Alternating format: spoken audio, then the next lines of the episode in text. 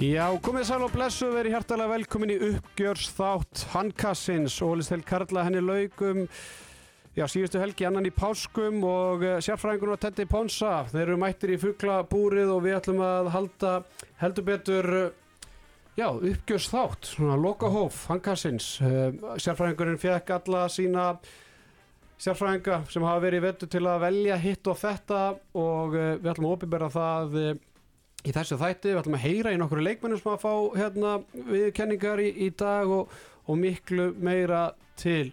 Uh, Teddy, þetta er ekki fyrsta tímabili sem að handkast er að, að ljúka. Hvernig er að vera með sérfræðingnum svona í blíðu og, stríðu? Það er mikið gengi á í vettur Það er mikið gengið á en hérna, já já, þetta er bara svo gott hjónaband, maður, maður var smá tíma að læra á því og svo svona þegar maður er farin að læra þá, þá svona þá gengur sambúðin aðeins betur. Eitthvað svona sem að þú vilt koma framfæri til hlustenda sem að skilja ekki hvernig þú, meikar að vera með sérfræðingnum Já, það er bara þessi ótrúlega svona hérna, uh, ég er svo tillitsamur. Þessi auðmygt sem ég tilengað mér í gegnum tíðina sem að, sem að gera það að verkum sko, en það er ekki alltaf auðvelt. En, en þetta sýnir kannski fólki sem að er kannski vandræðin bara með eitthvað í, með vinnufélagið í sambandun, sambandunni eða eitthvað, Vist að ég get verið með þér að þá. Það var allt hægt. Já, þetta er svona góð innspytting fyrir þá sem eru kannski að glíma ykkur erfið, erfiðleika í ástarsambundum eða slíkt að Já, eða í vinnunni eða Já. eit, eitthvað skilur það er allt hægt. Já, allt hægt. Þetta eru frábær svona orð svona til að byrja þetta. Já, þetta var mikst eftir að það varst pappi nú Já, er það ekki? Jó, Jú, jó. Ég er sammála því, ég er nú rosalega mjúkur og, og hérna minna, minna reyður, þrátt fyrir að vera illa sofin það er út minna reyður Já, það er bara, það fylgir þessu öllu saman. Það er fínt að, ég hef kannski bara löngur að búin að dundar mér á enda- Já, já, ég meina, ég gerði það 23 ára þú er bara að fylgja kallinu sko. Já, en það er bara því stjórn, það þarf tvo til. Það er tvo til að það að taka og það er nú bara þannig. það er bara þannig. Herðu, við ætlum að bara velja bestu leikmenn í hverju einustu stöðu við ætlum að velja lið, eða, leik, eða, leik ársins, atvik ársins óvæntustu stjórnu tímabilsins efnilegasta, besta og þar eftir gödunum og, og við ætlum bara að keira þetta í, í gang uh, þar sem að uh, byrjum bara á markinu. Uh, ég fekk, eins og ég sagði á hann, sérfræðingana sem hafa verið með mér í vetu til að- bara kjósa. Það er mismöðandi margir sem eru tilnæmdir í hverju flokki uh, í, sem, leik, sem besti markmaður deildarinnar þar voru tveir leikmenn tilnæmdir það voru þeir uh, Björgvin Páll uh, Gustafsson og Phil Döller og sá markmaður sem var valinn besti markmaður ólisteildarinnar þetta tíðanbilið var Björgvin Páll Gustafsson Hvað segir um þetta, Björgi? Nei, þetta. Já, já, þetta er hérna hann var ekki bestur á samfélagsmiðlum en hann var bestur í markinu. En hérna, já, þetta var hann eða dölur og svona, þegar ég valdi mitt ég upplustar því að, ég valdi dölur reyndar og ég svona reyndi að fara ekki inn á hópi start sko, ég svona gerði það meir eftir tilfinningu Já, og svo kíktum maður á tölfræðin og það er það er rosalega lítið á millera í, í, í tölfræðin ég held að hérna, dölur sem er fleiri varðabolta en bjöggi með hans betri prósentu en hérna allan að vara fyrir, fyrir þennanleik en já, já, bara Björgvin vel að þessu komin og, og, og maður hefði samt ekki getað sagt neitt ef, að- dölur hefði verið valinn sko. Nei. Herðu, næst uh, ætlum að vinda okkur í leik tíðanbilsins leikur tíðanbilsins uh, þarna gáttu menn, ég vil bara benda á leiki í Evropakeppninni, byggarnum þarna voru ekkert endilega fastir á ólisteildinni en, en þeir leikir sem voru tilnæmdi var leikur hauka og gróttu sem að gróttu menn unnu náttúrulega á, á líni basically, þeir vinna náttúrulega bara á síðustu stundu ótrúlega mikilvæg leikur á, á þeim tímapunkti þó að nú hefði kannski ekki svona haft úslita árið þegar uppi staðið. Haugarnir náttúrulega kæra leikin í, að kæra framkvæmt leiksins í, í kjölfarið. Uh, aftur líka valur uh, leikur sem fór 30-30 í, í Mósesbænum þar sem að það var ykkur svona reykistefna á, á klukkubarinu klukkubarinu, já, alveg rétt. Það var þetta rosalega leikur. Þar sem að Mósveld líka voru með boltan og voru marki yfir og, og hérna Gunni Magg greinlega tekur leikli þegar að Þorsteinn, er ekki Þorsteinn Leo held ég sem er með Já, boltan hann er að drippla, Já. Benni, Benni þjóvóttur hann Já, og hérna en og, hérna, já, bara þú veist, í reglubókinu er bara það er flauta sem gildir Mhm. og flautan kom vissulega eftir að valsararnir hérna voru búin að vinna boltan og í kjölfarinu þá fá valsarar víti og, og jafna leikin og, og, þannig fer leikurinn 30-30 uh, leikur F og gróttu var tilhöndur, Mhm. eða tilhöndur þar sem að gróta vinnur leikin þar sem að þeir eru ekki yfir í eina sekundu Já, það var þetta ótrúlega leikur líka. Hann var ótrú leikur uh, leikur IBVF og FH hvað gerist í þeim leik? Já, hann var í uh, leikurinn í eigum Já, Já, hann, það var leikur sem var svona ég held að hann að vera bara í hátegin og lögati eða sunnundi 28-29 fyrir FH Það var eitthvað dramatík. Ég, er, þetta- ég sá ekki hennar leik sko. Hann, var, hann, var eitthvað henni já, hann var eitthvað mjög svona, hann var á erfiðum tíma Já, já lögadeglan hálf tvö. Já, ég var eitthvað svoandi bara. Já, sennilega. Og uh, síðan var uh, leikur fram og vals þar sem að framæðarnir unnu 37-34 fyrsti tapleiku vals á tíðanbölinu Halli Þorvar að stýra liðinu Einar Jóns í banni. Mm eftir ummæli, eftir fyrirleikinu eða ekki valið fram. Já, þetta var Var þetta ekki fyrir fyrsta leikinu val í Európa-dildinni? Jú, þetta var var fyrsti og sáleiku var þriðuti En leikur tíðanbölisins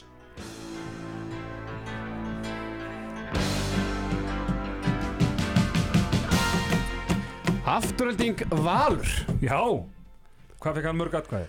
Ég ætla ekki að gefa það upp en, en Nei, það en- var En með eitthvað var mikið tilnæmt þá var dreifist þetta svolítið Já, það voru. 12 í, í dómnefnd og hérna fimm leikir sem komið til greina þarna en afturlítið valið, þarna hljóta menn að vera bara að minnast á klukku Já, þú veist, ég, og bara mikilvæg þess að ég ger alltaf grein fyrir mínu atkvæði Ég var með haukar gróttu sko og það var svona út af þessu bíó í lokin. Já, og svona kannski smá svona í bæja sko þegar svona stutt síðan, mann man það oft, oftast betur sko. En já, er, þessi tveir leikir eða það sammeilegt það var kannski svona atvik eh, svona dómara eða svona eitthvað sem gerist líka utanvallar sem svona hérna hefur, hefur áhrif sko. Já. Dramatík í lókin Já, já, það er fleiri leik geta veist, leikur grótt og Selfoss hefði alveg geta verið þannig, bara basically fyrir anstöðuna, hvað var rosalega furðulegur, já, það náttúrulega var einhver leikur sem að hvað hafa bara já bara var fjögur Já, eftir fjögur, 25 fjögur, minútur, það var ótrúlegur, ótrúlega að horfa þann leik. Á nesinu, það var rosalega En afturlíku alveg, þetta var mjög hérna, já, ótrúlega loka Það náttúrulega líka ótrúlega loka mínútur í leik í og afturlíkar já, Það sem að, hérna, já, já, og bara loka sekundunum það var eitthvað leikli þarna var það ekki í lokin og eitthvað?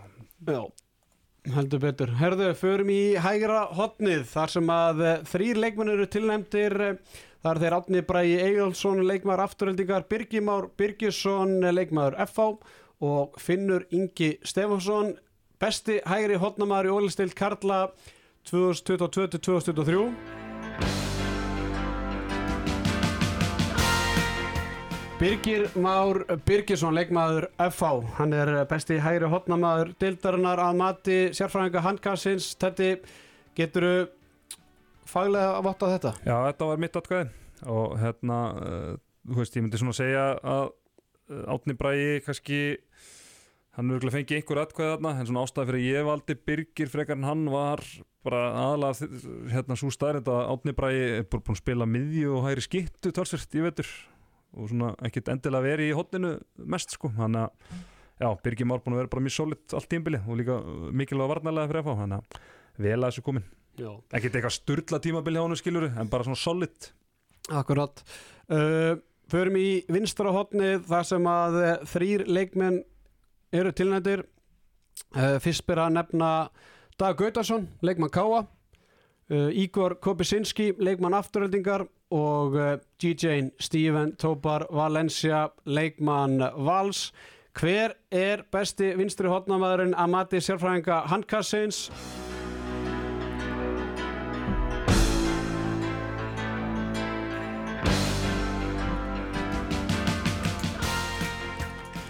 Steven Tópar Valencia Yeah, the DJ That's not the DJ save my life Var þetta eitthvað sem komur óvart?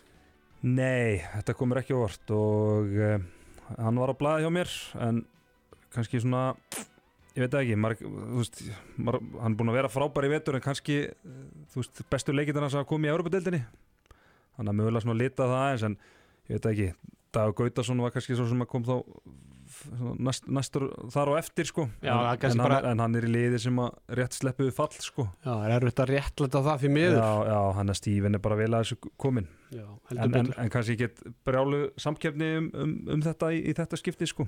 Nei, ég er svona nokkur neginn sammálaðir en, en algjörlega, þú veist, ég hef búin að heyra það Stífin er ekkert búin að vera frá, eða þú veist, hann er ekkert veist, hann er, líka frábæð þú veist, og, og framist að hans er- náttúrulega skiptir gríðarlega miklu máli. Þetta er, handbólt er leikur varnar og sóknar. Mm ha, höfum það alveg og er í stóru hlutur ekki varðanlega algjörlega og, hérna, það má ekki gleyma því. Uh, næst þá förum við í óvæntustu úrslit deildarinnar.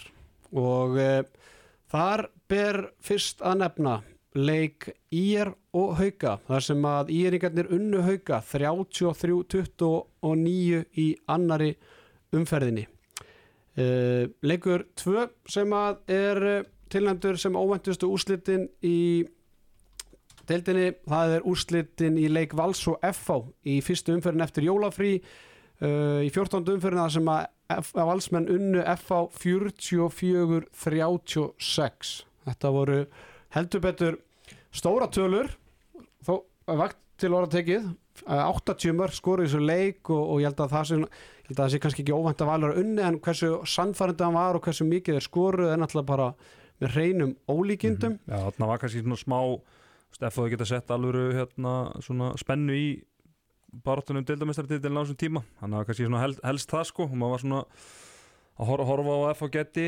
voru búin að vera ágættis rönni þannig og hérna svona, svona, já, sá fyrir sér að þeir getu gert alvöru spennu á tóknum sko. Já, og þriði á síðasta leikur sem er tilnæmdur í, sem óvendustu úrslitin í deildinni, það var 14 marka sigur IBVF gegn haugum í næstsíðustu umferðinni 38-24 þetta gerist á þeim tjómbóti sem að haugarnir er nýbúin að vinna val, búin að eiga bara fínt svona momentum með sér fín framist að í byggjurúsleitunum rétt áður og, og allt það en fara svo til eiga og láta já, skeina sem er sandpapir Já, já, með fullri virðingu fyrir þessu vali þá er þetta svona recency bias held ég því að mér fannst eiginlega Sigur Hauka og IBVF í fyrirumferðinu með tíu mörgum óvandar en þessi sko. Já, já, það er nú að sagða Já, já, en þá kannski er þessi úrslit ennþá óvæntari í kjölfæra að tapa síðan setnileikum með 14 mörgum en, en hvaða leikur bauð upp á óvæntustu úrslitin í dildin í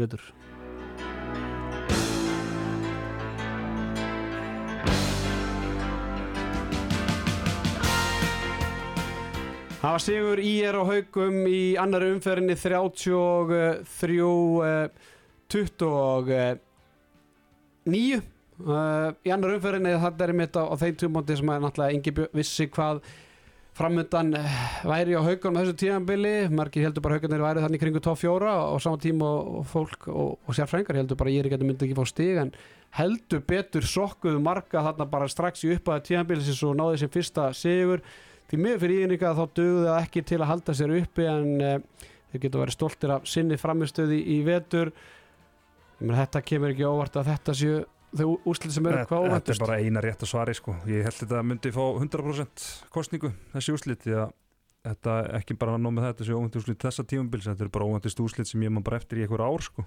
Já, Ég er langt, ég veist, ég er bara svona sjokk bara tilfinningi sem maður fekk þegar maður frétta þessum úrslitum sko. Það er langt sem maður hefur fengið þannig akkurat.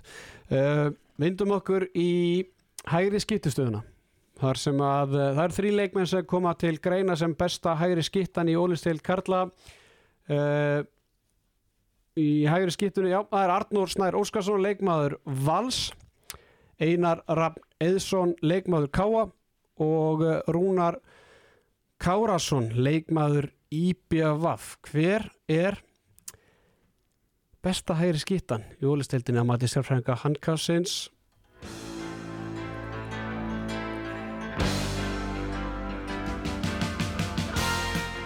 Besta hægri skiptan að mati sérfræðinga Handkassins í ólistildinni þetta árið er Rúnar Kárasson. Besta hægri skiptan í ólistild Karla að mati Handkassins. Uh, hvað er svona þín fyrstu viðbröð? Ég er bara klökkur. Já, það ekki?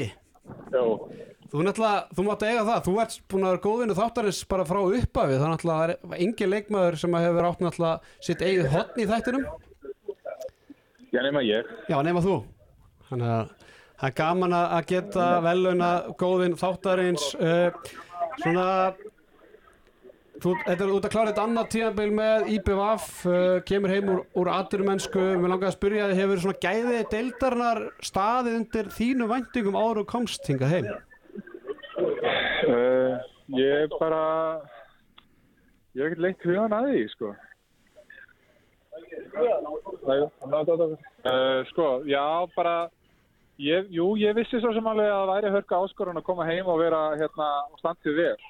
Maður hefur séð marga koma heim á aðurmennsku og eiga bara í svolítið erfileikum. Þannig að ég vissi að ég þurfti að halda vel á spöðunum. Þurfti bara að gefa í ef einhvað er og hérna, og mér finnst ég bara að hafa hana hérna standundi því og, og, og deildin er bara mjög sterk fyrst mér sko, þótt að það sé náttúrulega alveg svolítið í lánt við allan að Danmörku sem ég var síðast sko. En alltaf þetta tíðanbíl, þú hefur bara verið stórkostlegur basically, uh, margir tala um það að þú ert svona orðin léttar á fæti, ertu eitthvað léttar í kílum hérna talið heldur en áður eða er þetta bara myndavelin að blekja?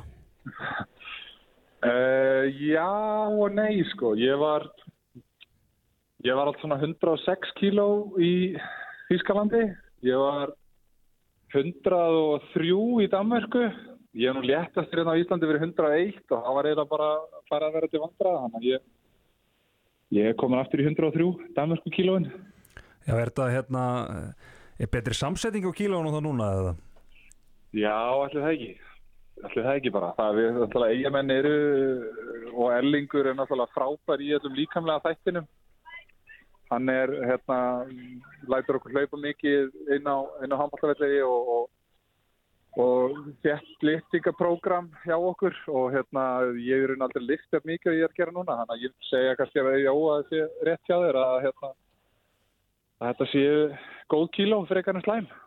Mm -hmm. Uh, þú er náttúrulega, ert á, leiðin til fram, uh, þú varst orðað við, já við vildum meina að þú varst orðað allavega við gróttu og jafnvel val, kom eitthvað annað liti greina heldur en að fara í fram? Uh, já, ég var nú bara svona opinn fyrir að, hérna, svona flestu. Ég, ég var nú ekkit í sambandi við gróttu neitt nema bara eitthvað rétt en að í einhverja, örgulega eitthvað svona mánu eftir að þú komst með slúrið. Þá, hérna, þá fóruður eitthvað aðeins að tjekka á mér, Óli Fimbo og, og, og Robby svona að laumaði saman svona í ykkur alvöru. Uh, ég var búinn að vera í samtali við Snorra í smá tíma sko, en hérna, og það er alltaf líka bara því að Snorra og Robby eru bara mjög góði vinni mínir frá því landsliðinu og hérna, og, og svo svona var maður í samtali við Einar. En hérna, En, en svo bara það fann maður að þú veist, maður svona, þegar maður er hann gamall, þá var maður svona róleri yfir litunum og ekkert að drífa sig og svo svona leiði maður bara svona ákverðin að koma til sín sko. Og mér fannst hérna, þegar upp á staði, fannst mér fram bara ógustlega spennandi og, og smá rómans í því líka að koma heim. Var það svona það sem að trompaði allt annað? Já, það er svona helst það sko og líka bara þekki eina vel og mér þykir náttúrulega bara vendum fram. Ég er mikil framariðið og hef alltaf verið og hérna og mér finnst bara mjög spennandi hlutur að gerast þar og skemmtileg, skemmtileg leikmenn að koma upp aðna, ungur leikmenn og mér finnst fram vera ólseikt lið og ég sé ég sé ákveðin tækifæri í þessu svona fram á veginn Mm -hmm. uh, bara svona síðasta spurning uh, til bestu hægri skiptunni í deildinni það hlýtur að vera bara ég meina þú vilt alltaf vera Íslandsmeistar en, en þú hlýtur að sjá það svona í, í heillingum að, að fá að, að enda bara tíman í eigum með Íslandsmeistaratilli Já, ég hugsa um það á hverjum degi og hérna ég er búin að eiga algjörlega frábæran tími í Vestmanneim, ég er búin að ég er búin að ná svona með svona aldrei komið á stað þar sem að maður finnst maður svona vel tekið á mótumanni það er algjörlega frábært samfélagi í Vestmanneim og hérna ótrúlega gott fólk í kringum handbóltan og hérna ég teki algjörlega ástfásti við eiguna og hérna og það væri ógeðslega mér myndi tekja ógeðslega væntum að við getum unnið þetta saman í, í vor. Og hérna og mér finnst við vera að gera réttum hlutina og vonandi að við heldum áfram að að vera á þessari jákvæði hérna, bætingu sem við erum búin að vera á síðustu 3-4 vikurnar fyrst mér og, og, og, og topp á réttum tíma og og svo þekki ég þetta bara, það er eitthvað sérstætt í Vespanegum og, og, og hérna, það er ógeðslega erfitt að koma til okkar og, og við, við verðum einhvern veginn besta útgáðan að sjálfum okkur með þegar, þegar, hérna, allt fólki er á bakvið okkur og, við erum, ég ætla ekki að segja við sem sigurvissir en, en við, við erum hérna, með mikið sjálfströst og okkur líst vel á komandi úrslutakennin. Mhm. Það er gott að heyra Rúna Kárasson, besti hægri skittan í deildina Matti Handkassins Eh, Takk hérlega fyrir að taka upp tólið þegar sérfæðingur hringir og við óskuðum bara góðs gengis í, í úrstilda kefninni Já, takk að kærlega fyrir valið og, og fyrir spjallið. Takk, takk, segjum það Já, bye bye. Bye, bye. Já, Rúna Kárasson, besta hægri skittan í, í deildinni uh, Arnur Snær og Einar Rafn Eðsson fengu tilnefningar einnig eitthvað sem að kemur óvart þarna, þetta Nei, þetta er bara þetta var svona eitt öðvöldasta valið. Það var, var að velja þetta. Arnór svona átti mjög góð tímabili en svona hans bestu leiki kom í Európa-dildinni mm þannig að Rúnar langt besta hærskittan í, í Ólstildinni þetta tímabili. Algjörlega. Uh, Þá förum við í atvik tíabilsins uh, Þau eru nokkur. Uh, Byrjum á lokamínutum í leik Hauka og Gróttu sem við rættum aðeins áðan að og náttúrulega algjört fiasko þar sem að, að Grótta vinnu leikin á sama tíma og sömur halda að Grótta að vera jafna og, og Haukarnir þarna heldur að væri búin að vinna leikin en á sama tíma halda er að fá jöfnumarka á sig en, en enda á að tapa leiknum þetta var ótrúlegt Já, þetta var með ólíkindum ah. Atvik tímabilsins uh, líka af allsmenn hafi komast í 16. úrslit í Európa-kefni sem er náttúrulega stórt fyrir íslenskan handbólta uh, SMS-ið frá Bjögga til Donna mm -hmm. það var tilnæmt uh, Atvik tímabilsins þegar að í er unnu hauka í annar umförinni, það var rísa stórt uh, Raðablöpsklúður Monsa gegn Káa í byggarnum það náttúrulega var já, ég, meni, ég, ég setti það á Twitter og það fekk uh, mikla aðtigli og síðan náttúrulega er vítið hjá Daniel Griffin. Var það ekki mótið Selfossi? eða var það mótið haukum? Nei, Vá, ég maður það ekki sko. Nei ég, en, en vítinu mann ég vel eftir. Já, það var hræðilegt. En það var svona svipað. Ég held að þetta hafi gerst á, á svipum um tíma. Þetta var eftir áramót. Þetta var á móti var þetta móti val? Ég, ja, aftur líka, ég man það ekki. Nei, að, þetta er hæðilegt útvarp en, en allar, það vita allir hvað vítið þetta var. Uh, en þetta eru þau sex atvik sem eru tilnæmt sem atvik tímabilsins. En hvert er atvik tímabilsins?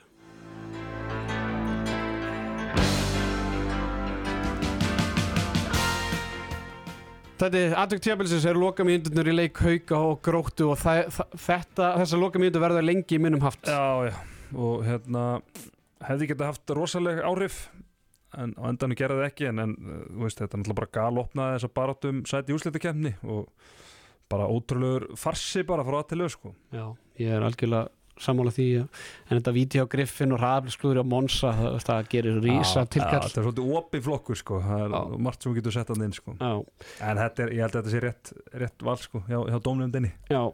Herðu, förum í, í vinstri skittuna, besti vinstri skittan. Og það eru þrý leikmenn sem eru tilnæmdi það er Einar Sverrisson, Magnús Óli Magnússon og Þorsteinn Leo Gunnarsson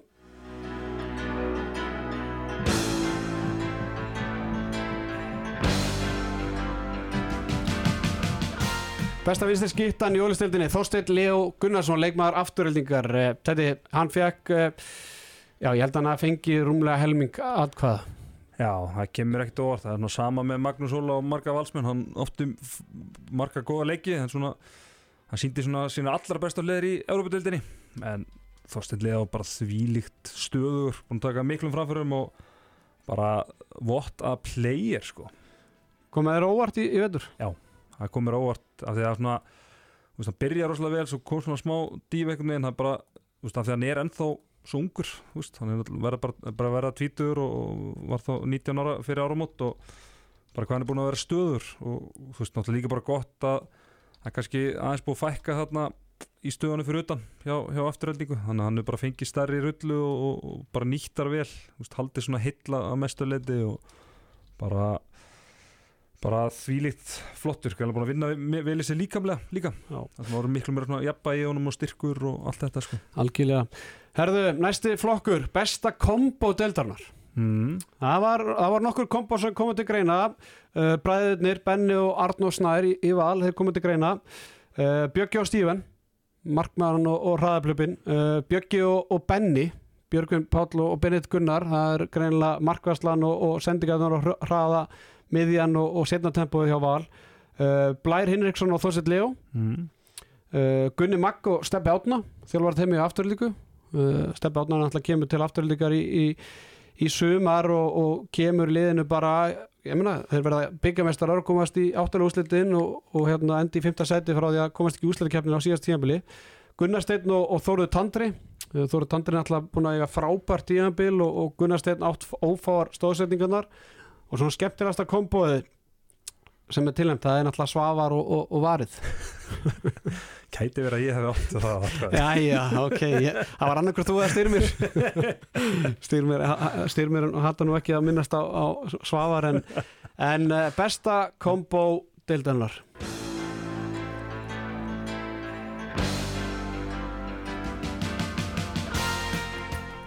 Besta kombo deildarinnar það er Björgur Báll Gustafsson og Steven Tobar Valencia. Já, já, þeir eru bara eins og malt og appelsín sko. Það er bara, uh, þú veist, þetta er ekki bara þessi tímbili Við sáum þetta líka í, í fyrra. Það er bara, það er naflastenningur átt á milli. Já, svona besta kombo bara handbólt þess að náttúrulega er bara Svavar og Var. Já, ég meina Það Ég held að það fengi fleiri atkvæði. Já. Held ég, uh, ég var nú kannski að reyna að vera smá sniður en, Var það sniðut, já, en margt til í þessu Já, hár rétt. Uh, förum í, í næsta flokk uh, sem er, hvað kom mest á óvart í vetur? Uh, það voru fimm tilnefningar yfirbyrði vals á tímabilinu. Samskipti Bjögga og Donna, komið nokkur um á óvart. Samt ekki IR, uh, byggamestaratill í Moselsbæin og síðan svona sameilegt hversu slakir og káa og haukar voru á tímabilinu. mm. Uh, hvað var það sem kom sérfræðingum handkassis mest á óvart?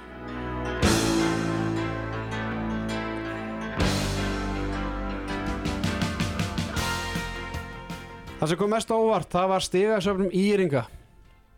Já Ég meina, hún, hún gerði það Hvað endur við með? Hvað var þetta? Tíu, Tíu stig? tíu stig Já, meina það er tíu stig meira en allavega einhverju spáðu Já. Þannig að það er ansi Það var mikið með kannski við báðir eða? Næ, ég setti nú einhver stig á, á, í kladdan Já. En Jó okkar, hann setti 0 á þetta Já, ég hefði svona, ég held að En ég, ég hefði svona, þú veist, þrjú stig. 2-4 max, sko Já. Bara max Já. Þannig að, já, bara ég, Þetta er bara vel valið hjá okkur Enn og aftur algjörlega. Stigasöfn IR kom okkur hvað mest á óvart en þá förum við í besta línumannin á tíðanbyrjunu. Það voru nokkri sem komið til greina. Ágúst Birgesson, leikmaður FH, Einar Ingi Hrapsson, leikmaður afturhildingar, Jón Bjarni Ólásson, leikmaður FH, tveir FH línumenn tilnæmdir. Uh, Kári Kristján Kristjánsson, leikmaður IBVF og Þórður Tandri Ágússon. Þetta eru fimm leikmenn sem að segja okkur það að, að þetta var svona jöfn keppni og ég held að munnað einu atkvæði eða ég bara að það voru tveir jafnir og ég held að ég hef bara valið annað þeirra. Já, þú veist, Marko, þú veist, með þessi nöfn þá getur alveg sendt Marko Kórits inn í þetta mix, sko. Já, það var kannski skotindingin hjá Marka Korit sem hafði einhver áhrif þar en, en hver er línumæður tímabilsis?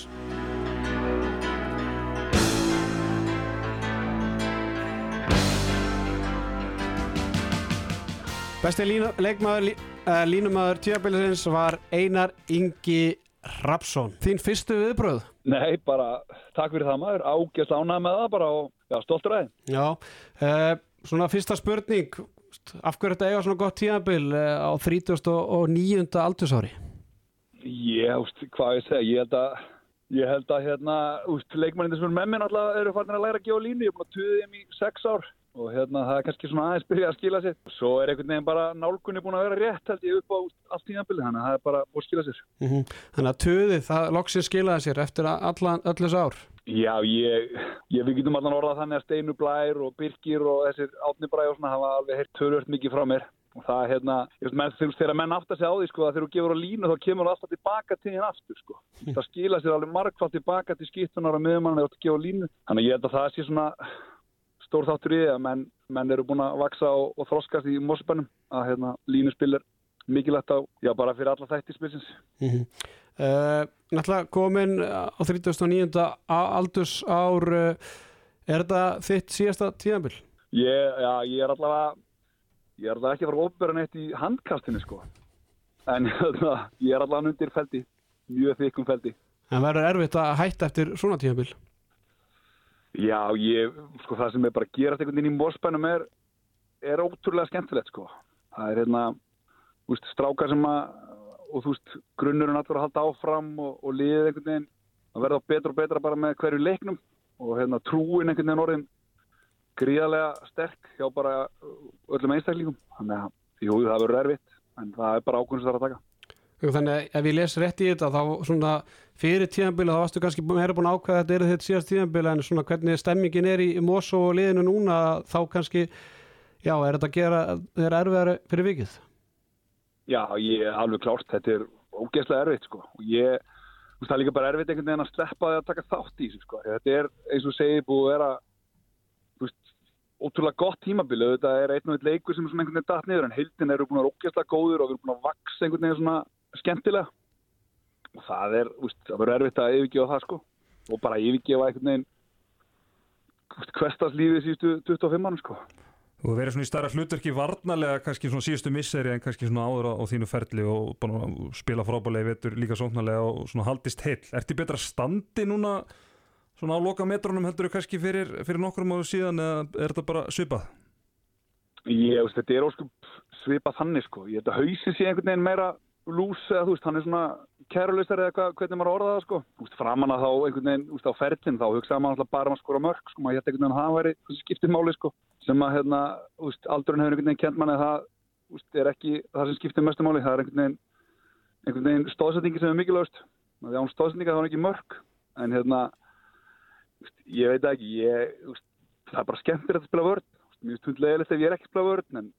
að samanskapi svo núna skilur þegar við erum konum með bötta á steina í eitthvað stand sem að fáir standaðum snúnings varnalega þá náttúrulega þá sinnum maður bara sínu djópi að, að hérna, leiða einhvern veginn liðið og miðla úst, einhverju reynslu og einhverju þekkingu í bæði taktík og öllu bara til annara og þá bara svo það maður bara skoraði fyrst að víti þegar maður þegar maður fær sendingu. Mm. Bara í, í lokin, uh, þú talar um svo stemmingi í Mosó, finnur þú fyrir svona au- aukni spennu í, í Mosó fyrir úrslutukefnuna? Já, það er einhvern veginn, það var eitthvað sem var svona losnaði við hérna, vinna byggartitil og úst, ég saði með við ykkur líka síða, sko, þetta er einhvern veginn, ungu strákunir eru svolítið vittlusir, ég veit ég kannski ekki alveg hvað þetta þýða, þannig að þeir bara, þú veist, við bara lendum, þú veist, við bara tókum bensín, það var bara sett 98-8 og vélun aftur og bara aftur á loft. Og við erum bara núna, úst, við erum bara leiðin herra, sko, og, úst, menn vita kannski ekki alveg hvað þetta endar en vonandi endar þetta bara það sem við viljum að þetta endi.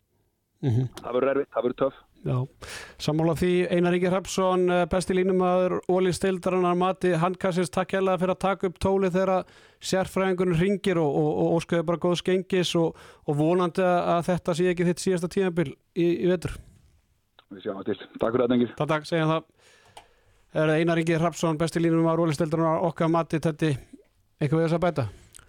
Nei, nei, bara eftir að ég skýrði són minn í höfuð á honum og þá byrja hann að blómstra. Það er bara svo leis. Það er bara síni sig. Já, það er hár rétt. Fleiri sem ættu að taka það sér til fyrirmyndar og, og hver veit nema þegar þetta eignar sinn annan stráka að leikmenn í ólisteildinu munu ringja og bara grátbyggja um Ja, það. ég tek bara við millifæslum og... Já, Mm. ekki spurning. Herðu, næsti flokkur, hann var svolítið skemmtilega á mínu mati. Hvað fegstu ekki að sjá í vetur sem þú bjóst við að sjá fyrir tíðanbilið? Uh, nokkrar, nokkrar sem, sem, sem er tilnæmt uh, byrjum á meira frá ungu leikmennum Káa uh, meiri markvæslu heilt yfir meir, mikið var við það að hún var eitthvað verri en, en vanalega Mm, nei, ekkit, eða þú veist, maður fór svo sem ekkit eitthvað samaburðaði, sko. Uh, Val í Final Four einhver Já, sem að já, já. bjóstu því að, að sjá Val í Mhm. Final Four fekk ekki að sjá Gott, gott sjátt. jafnari barötum sæti í úslutikefluna Já, ég held að það sé mitt atkvæði. Já, þá vartu kannski svona einhvern veginn að tengja þá sennilega við Selfoss og, og Já, jafnvel að ég held gróta að þetta er, þú veist, svona fyrirfram að þetta var í Káa gróta Selfoss, kannski svona harðri baróttu og við, kannski við framöðulega bara um, um 7.8. seti. uh, Selfoss í vandraða með að komast í úslutikefluna það var eitthvað sem bjóst við að, sjá Selfoss í meiri vandraða Já, með að komast úslutikefluna já, en, en fekk ekki að sjá það. Einmitt. Herger Grímsson tæki næsta skref. Mm svona tækjur sennilega stjórnuna bara yfir. Uh, fekk ekki að sjá alvöru leik Hauk og IPVAF á tímabilinu. Báðu leikinu alltaf haugandi vinna fyrir leikinu með 10 og tapa setjuleik með 14 Já, sögulega mjög svona jöfnlegt oft jafnilegir og svona mikið dramatík og eitthvað eitthva til að tala um sko. Já, og síðast en ekki síst það er að sjá alla leikin í Ólís hvort sem það var á stötu sport eða hjá félögunum á, á, á netinu. Já, það var svona það var farið að rukka eins og eitthvað, eitthvað liði ekki með, með TV Já, á YouTube. sjáum hvaða tilnefning hafði Sigur úr bítum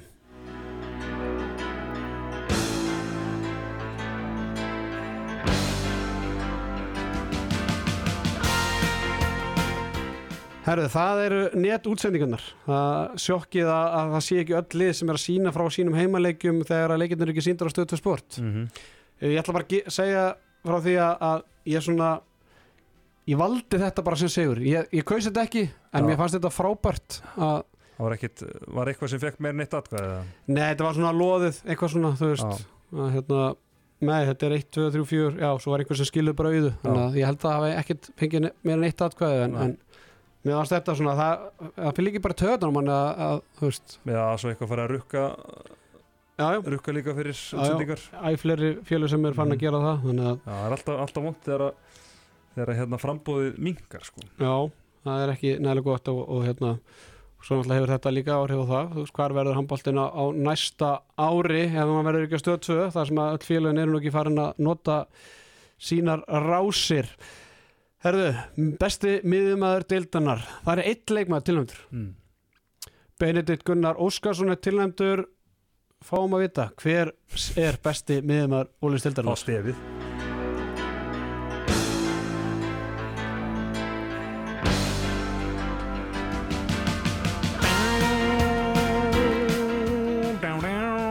það er Benedikt Gunnar Óskarsson. Óvænt maður. Þetta er rosalett, hann var eini leikmaður svo tilnæmdur sem besti miðumæður deildanar Svo gulluð rúsnesk kostning Herðu, það sem kemur á óvart og svona, ég menn þetta vera í fyrsta skiptið þetta hefur náttúrulega ekki verið gert áður við, en Áspjöld Friðriksson Það fekk ekki atkvæði. Já, ég bara síðustu tíu ár hefði Áspjöld Friðriksson alltaf fengið atkvæði. Já, og bara líklega unnið sko. Já, Eða svona alveg mörg af síðustu tíu tíumbölum þannig að þetta er mjög svo aðteglisvert Þetta er að svo Jói skúli vinnur okkar myndi segja Changing of the Guards. Já, og hérna Já, náttúrulega bara ný kynnslóð að taka við. Já, já, og bara Benny búin að vera styrlaður og svo kannski svona líka að hugsa þetta veist, það var ekkit veist, ekkit margi miðjumenn sem er búin að eiga eitthvað frábært Nei, frábært tíumbil þannig sko. Já, alls ekki í líkingu Benna þannig að það alveg að reynu Herðu, næsti flokkur hvað fegst að sjá í vetur sem þú bjóst ekki við að sjá fyrir tíðanblið uh, Nýja markvörð IBF það var einhver sem bjóst ekki við því að IBF myndi segja sér nýja markvörð á, á miður tíðanbili mm. Aron Pálmarsson í FH Já, uh, aftur líka verða byggamestara fall baróttu í deildinni, fall baróttan á milli IR og, og Káa góða spilamennsku og stigasöfnum IR lélegt og andlust Káa haukalið og yfirbyrði vals. Hvað var það sem að eða, hva, hvað að þessum tilnefningum bar úr sigur bítum?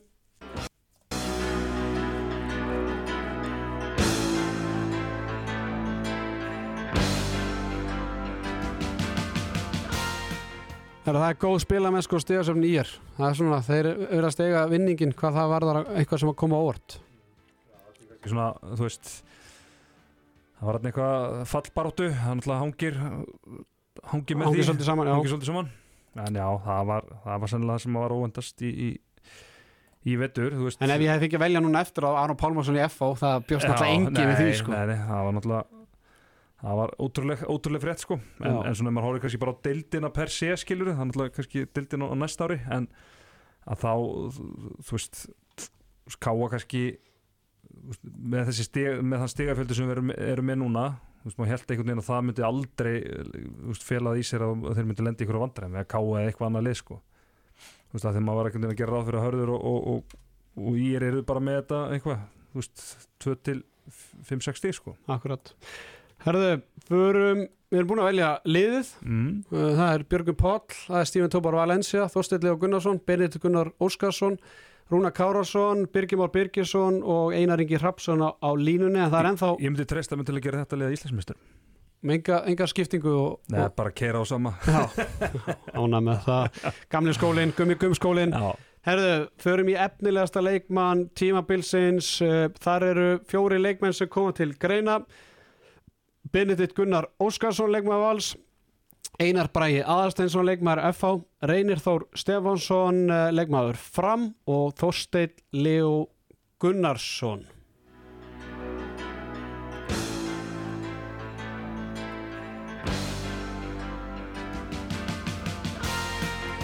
Hefnilegasti leikmaður Ólisteldarinnar Matti Handkassins er Þorsteinn Leo Gunnarsson. Efnilegasti leikmaður Ólisteldarinnar Matti Handkassins, eh, þín fyrstu viðbröð við þessari viðkenningu? bara þýlugur hefur að vera, já, vera valinn afnvæstur í ólsliðinni, sko. Já, uh, bara svona fyrsta spurning, ertu ánað með spilamennsku þín í vetur og hefur svona, hefur spilamennskan þín komið þér á óvart? Nei, alls ekki, það er ekki komið mér á óvart, sko. Svona hæður og læðir í þessu, sko, hjá mér, sko. Við erum að glima mikið af meðslum og svona, en svona yfir allt tímabili hóruð það, þá svona, já, ég er alveg sáttur, sko, en ég veit ekki gert enn betur, sko. Mm -hmm. Það er búin að taka starra hlutverk líka varnalega, farin að spila stort hlutverk í, í þristunum, uh, svona finnur um muna því að vera að spila bæði vörd og sókn úr svo því að vera kannski meira í að, að koma inn á sóknulega? Uh, já, þýlugur mun, ég, ég byrja að leggja á mig svakalega meðanlega vartanleik, sko, hann er alls ekki fullkominn, langt á því, sko, en vartanleikurinn, þú veist, ég legg svakalega upp, horf mikið á klippum hjá þeirra leikmunum og svona og reyna að góða þristur. Þetta er mjög mikilvægt að spila báðmegin á vellinum allavega, þú veist, þú ferð úr, mjög, þú veist, verðmættur leikmaður, þú veist, spila báðmegin á vellinum. Mm -hmm. En ég legg mikið upp á mér langar að spila bæði þristin og skiptuna, sko. Mm -hmm. Það er svona planið. Mm -hmm. uh, gerur vonir að vera í landsliðsóknum núna þegar landslið kemur saman í næsta landsliðsverkefni í lok mánuðarins? Um, það væri nú bara þýlugur hefur að vera valinn og bara vonandi. Já, en þú, þú er ekki tyrt í, Gunnar Magnalla sem er að þjálfa, hann er ekki búin að pikki og segja, vert, vertu klár hérna undir loka april, þú ert svolítið upptekið þá? Uh, ég, hann er ekki búin að heyra mér enn, en vonandi heyra þeim. Já, akkurat. En hva, hvað var hann með draumanum að fara í atvinnumennsku, fá að sjá því ólistelduna á, á næsta ári? Já, það er, já, það er eiginlega planið að ég spili eitt tímpil upp á þérna. Ok. Á henni fyrir út, sko. Það er alltaf, ég hef ekkert skrifið undir hennar samninga við henni önnu félug núna, en um, ég, það er eiginlega planið að spila eitt tímpilinu uppbót og fara svo út í bara eitthvað topplið, sko. Mm -hmm. Það er eiginlega planið, sko. Hefur þið heyrt, er ykkur áhugi að, að utan? Já, veist, það er, það er áhugi hjá mér utan sín að, ég spila náttúrulega fyrst stólisleik, sko, en já, já, núna, þú veist, ég bara, já, þú veist, það er alveg áhugi, sko, en já, ég veit ekki hvað ég má segja, sko, en já, En, það það, er alveg, alveg áhugi, sko. en hvað er, er samtal millir þín og, og afturöldingar um það að, vera áfram í afturöldingu? Þú ætlar ekki að stinga Gunnar Maggi baki eins og Sveitnandri gerði rétt, rétt fyrir mót? Nei, ég held það nú ekki, nema að komi eitthvað, þú veist, algjörlega bara kýlið eitthvað, þú veist, þá verður maður að segja já því, en ég held að ég spil nú eitt tímbil viðbútt og já, það verður mitt síðast tímbil, eða, já, Ef vel gengur? eitt tímbil viðbútt, Já. já. Það er um, mi- mikilvægt og ánægilegt að heyra það. Uh, Úsleðarkeppnin er alltaf bara framundan, uh, þið mætið frömmurum í áttarúslitum því að hafið svona átt í erfiðleikum með fram. Hvað þurfum við að gera til að, slá út framarinn í áttarúslitum? Við þurfum bara að spila okkar leik, sko, það er eina, við erum betra lið en þeir og, þú veist, ef við spilum okkar leik, þá ég áveit ekki vera neitt við þessum, sko. Það er eiginlega bara málið. Spila okkar leik og þá er þetta komið, sko. Ég er ánægð með þetta, við erum ekkert að flækja hlutina, þið eru bara með miklu betra liðan fram og þið þurfum bara að spila ykkar leik. Þorsteinn Leo Gunnarsson, efnilegasti leikmaður ólisteildarinn að mati, kannski takk hjalla fyrir að taka upp tóli þegar að sérfræðingur ringir og, og ég óska þér og, og þínum liðsveilum í afturlíku bara góð skengis í, í úsleilikeppninu og, og gaman að heyra að við fáum vonandi að sjá þið áfram í ólisteildarinn á næsta ári. Takk fyrir það. Takk, takk, segjum það. Já, Þorsteinn Leo, efnilegasti leikmaður Ólisteldarnar aðteglisast viðtal hann hann er bara ekkert að spara stóru orðin en, frábært að heyra það að hann ætla að taka vonandi eitt tímabilið upp og hérna heima. Algjörlega og, og það sem er mjög svona skemmtilegst auðvitað að vita hvað hún miður farið fram í viðtölum. Ég man nú eftir hérna þegar að Henry Birgi var með setnibylgjuna þá þegar þessi stráku var svona kom á sjónasvið eða koma inn á sjónasvið þá hérna mætti hann í setnibylgjuna í eitthvað viðtal og Það er eitt versta viðtal sem ég hef séð það var svona, hún hefur verið mikið fram greiðlega Já. bara orðin aðeins örugari og, Þetta var bara, og, og þetta, það var bara mjög gott viðtal og, og flottur og ég var ánæði með veist, hann bara uh, ánæði með það menn fari ekki eitthvað klísjur, hann segir bara sama við vorum að, tala um í, í síðasta þætti að, að hérna aftur held ekki bara með betra liðin fram og spila bara þessi leik þá bara vinna þið fram og þannig að hérna, já og svo líka áhugavert þarna með, með landslið maður var einhvern veginn ekki alveg búin að hugsa þetta sko, náttúrulega Gunni Maggar er svolítið sérstakri stöðu. Veist, ef hann er að sem landsliðsþjálfarinn Gunni Magnar, náttúrulega velur hann í landslið en ef þjálfari afturöldingar skilur við, tekur hann út úr hópnum í ykkur daga, þú veist, jú, hann náttúrulega fær auðvitað þvílið sjálfströst og allt það sem er kannski gott inn í undanúrslitin en, en á móti þá kannski ert að taka hann úr takti með liðinu skilur sem það er á sama tíma. Gunni reyndar verður ekki með í þeim takti þannig að Nei, ég er að segja, ég er að segja það, það, það er sama sko, þannig að þetta er svona en jú, ég held að hann þurfi einhvern veginn að reyna bara aðskilja þessa tvo menn. Því að það náttúrulega hefur ekki haft eitthvað svakalega góð áhrif fyrir til dæmis Vala, Arnón Snær og Stíven voru í landslið þegar hefur ekkert verið frábærir í, í eftir, kjölfarið. Eftir það, neini, svo, að svo er það. þetta að geti hafa haft áhrif á, á að bara eins og allt annað í, í lífinu en, en já, en voru fleiri leikmenn en Benni Einarbræði Reynar og Þorsteinn sem hefur getað komið til greina þarna? Nei, ekki svona í, í fljótu bragði. Ísa Gustafsson hefur átt fínt tíma bara Já, ég hef samt aldrei sett hann einhvern veginn fyrir mér stóð þetta á milli Benna og, og Þorsteins Leo sko. þetta er líka bara spurning við hvað aldur átt að meða sko. Ég er svolítið að miða bara í úlíkanlandsliðið Já, sem er þá Já. 2002 og yngri já, þetta er bara, bara uh, Benedikt og, og Þorstein fyrir, fyrir mér sko allan Fyrir mér næsta flokk það fyrir að, að, styttast í annan endan á þessu þjálfari Ársins í Ólistel Karla það eru þrýr þjálfari sem komandi greina Bjarni Fridsson, þjálfari IR Einar Jónsson, þjálfari Fram og Snorri Steinn Guðjónsson, þjálfari Vals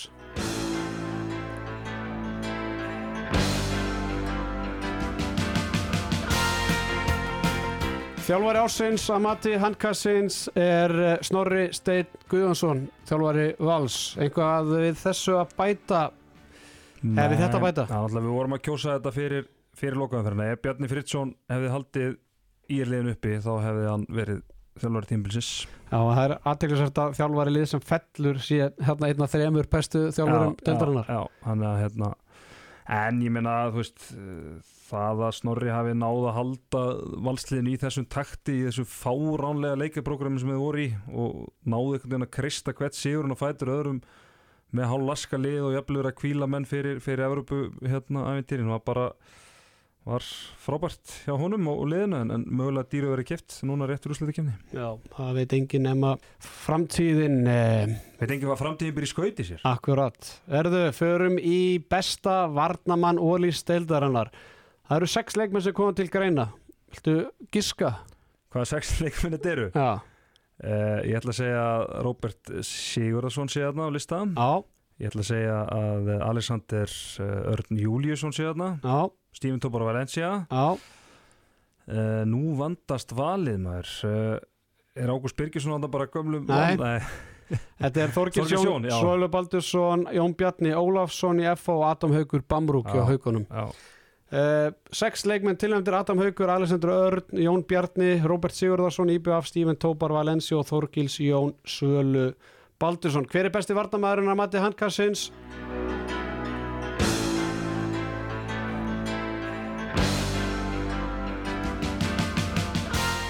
Besti varnamæðurinn að mati handkassins í ólistildinni þetta árið, Alexander Örn Júliusson, lögfræðingurinn uh, sniði, geði. geði. Já, meina, já, bara vel að þessu komin. Ég menn það eru hvað, ein, tvei, það eru þrýr valsar þarna af sex Já, Þetta það halvins er- getur verið Stífin eða Oggi Já, ég held að hann svona sé bara fulltrúi varnar og þú veist að kannski síni, síni líka styrk vals varnarinnar ef við tökum síðustu leiki út fyrir sögja að þú sett með þrjár menn sem eru tillemdir sko.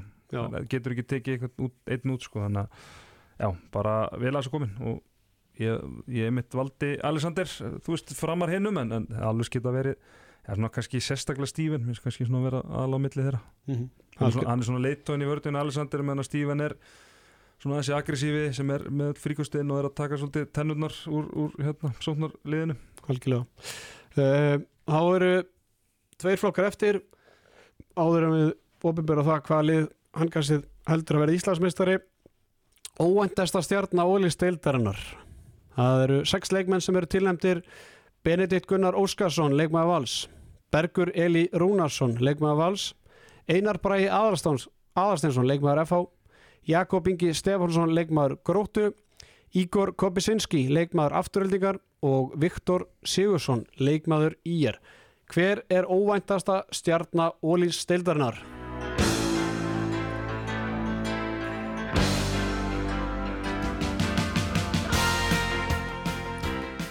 Óvæntasta stjarnar Ólís Steildarinnar að mati handkassins er Viktor Sigursson, leikmaður IR Tetti, þín fyrstu viðbröð?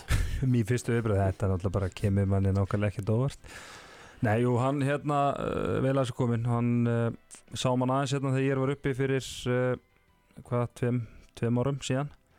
Og það er bara magna hvað hann hérna hafi gott að það fara í grillið og náða vaks og dafna og bara verið frábær lengstaf í, í vetur.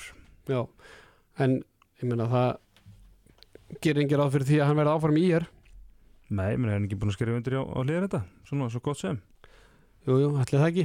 Það, það veit enginn nema hlýjarndapiltar Já, en hann finnst að ég er fallið þá er enga líkur því að hann verði þar áfram. Það væri mjög skrítið svona move hjá honum.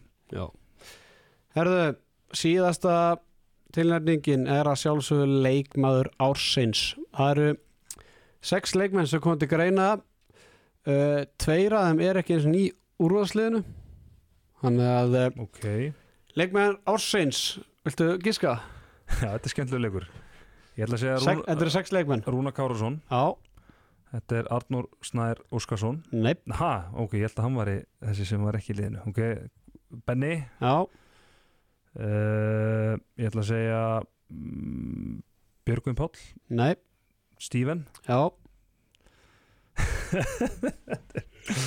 Herðu, já, já, já, já. Þetta, er, er heldi skemmtilegu leikur hérna hjá okkur Ég, hérna, Þorsteinn Leó- efnilegasti leikmaður tímabilsins. Já, já. Magnús Óli Magnússon og Einar Eðsson ég held að Einar Rafn hefði enda sem markaðasti leikmaður dildarinnar Ok, hann ætla að vara eftir Rúnari hann hefði hægilega geta endað hann í hægri skiptustöðinni þannig að eh, já, bara allt lagi að- tilkynna það að hverju voru markaðastu leikmenn uh, dildarinnar það var Einar Rafn Eðsson með 162 mörg uh, 29 mörgum meira en Einar Sverrisson og Átni Bræi Eilsson var með 131 Þannig já, svo skordýr já, ekki, ekki fyrsta skipti sem hann endar sem markaðastur en, en hver er leikmaður ásins? Er það Byrjandi Gunnar Óskarsson, Einar Rafn Eðsson, Magnús Óli Magnússon, Rúnar Kárásson, Stíven Tópar Valencia eða Þorstein Leo Gunnarsson?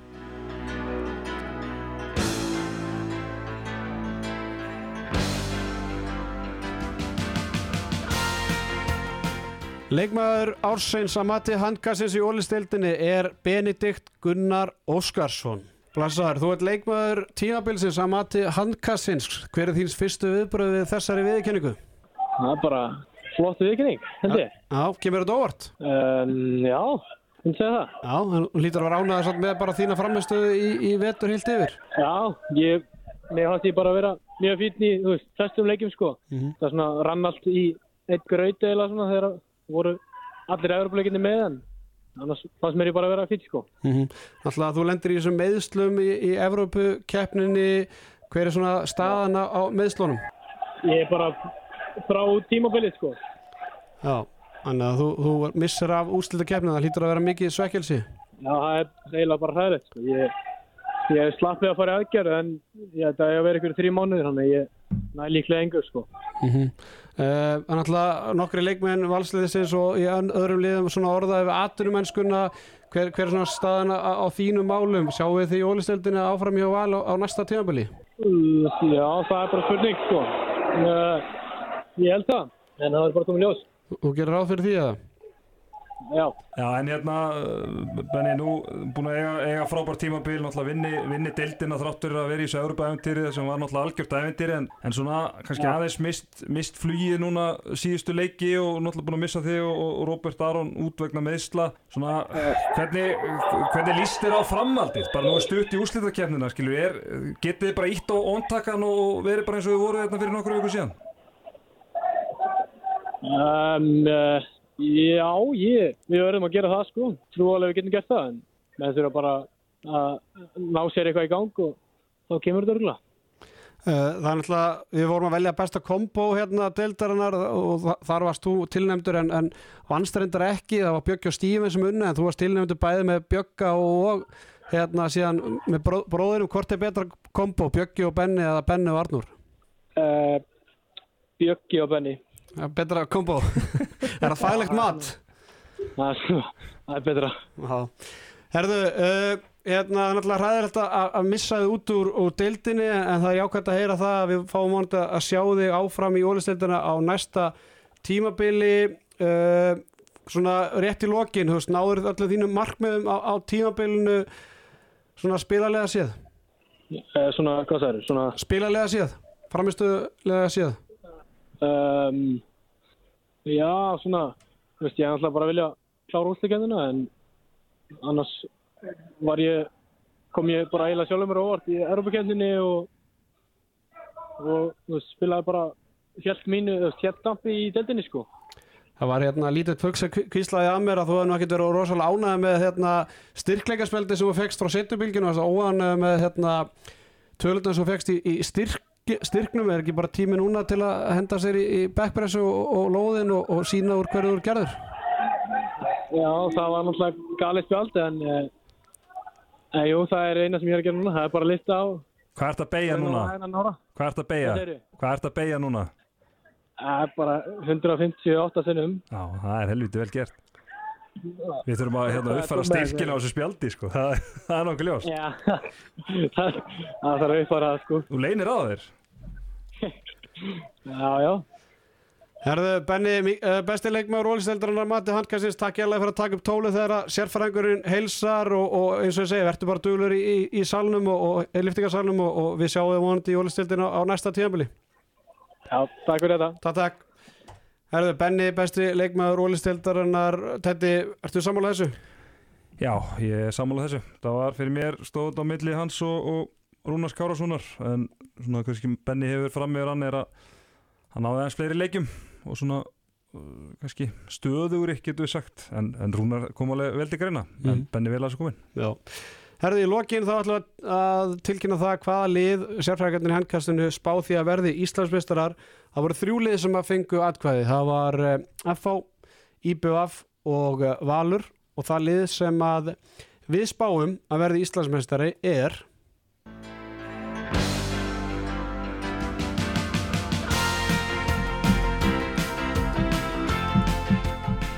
Slór og skítur Í, í, í BF Það er eigamenn, það voru, ég held að þetta hafi verið eitthvað 60%, ég held að þetta hafi verið, já, 6, 60 í reytni eða eitthvað. Já, ok, ok Það ég haldið að vera meira sko Já, það allavega, já, eitthvað svona sirka þannig, 7-3-2 eða hvað sem það var, en, Mhm. en, en það voru allavega flestir og, og rúmlega það sem að hérna, spáðu eigamennum Íslandsmeistara titlinum. Uh, Úsleðikefnin hún hefst uh, um helgina, áttalega úsleðina hefjast á lögata og sunnudag. Uppgjörstáttur handkassins uh, verður ekki lengri að sinni. Uh, við hvetjum hlustendur til að fylgja okkur á samfélagsmiðlum Facebook og, Twitter. F- fylgja okkur líka á þessum veitum, streymisveitum þannig að þið fáið alltaf tilkynningu þegar að þátturinn kemur inn því að við verðum með nóga þáttur framöndan bæði í april og í mæ bæði í uppbytun og, og líka til að fjallum þá leikis að fara fram í úrslita keppninni Theodor, takk hérlega fyrir að gefa tíma til að uh, veita hlustundum uh, þína visku. Já, bara takk fyrir mig, gaman að, gaman að koma eins og alltaf. Í fugg, Hvað kallar þetta, fuglabúrið? fuglabúrið. Herðu, við endum þetta á Gunnari Þóruða sinni. Þakkum hlusturina að sinni og við heyrumst uh, eftir fyrstu veistu, veistu hvaðan þetta er, þetta lag? uh, eigafyrinum Þetta er hérna alltaf þegar að vera grína um hverju Ísland. Nú, Þetta er tilbreyðið fegurð kemur ekkert óvart að, að þú vitir, vitir þetta. Jú, ég var límdu við skjáin Já. Þessi frábæra á sínu tíma. og ert ennþá? Ah. Já, kannski aðeins, jú, jú, ja, ha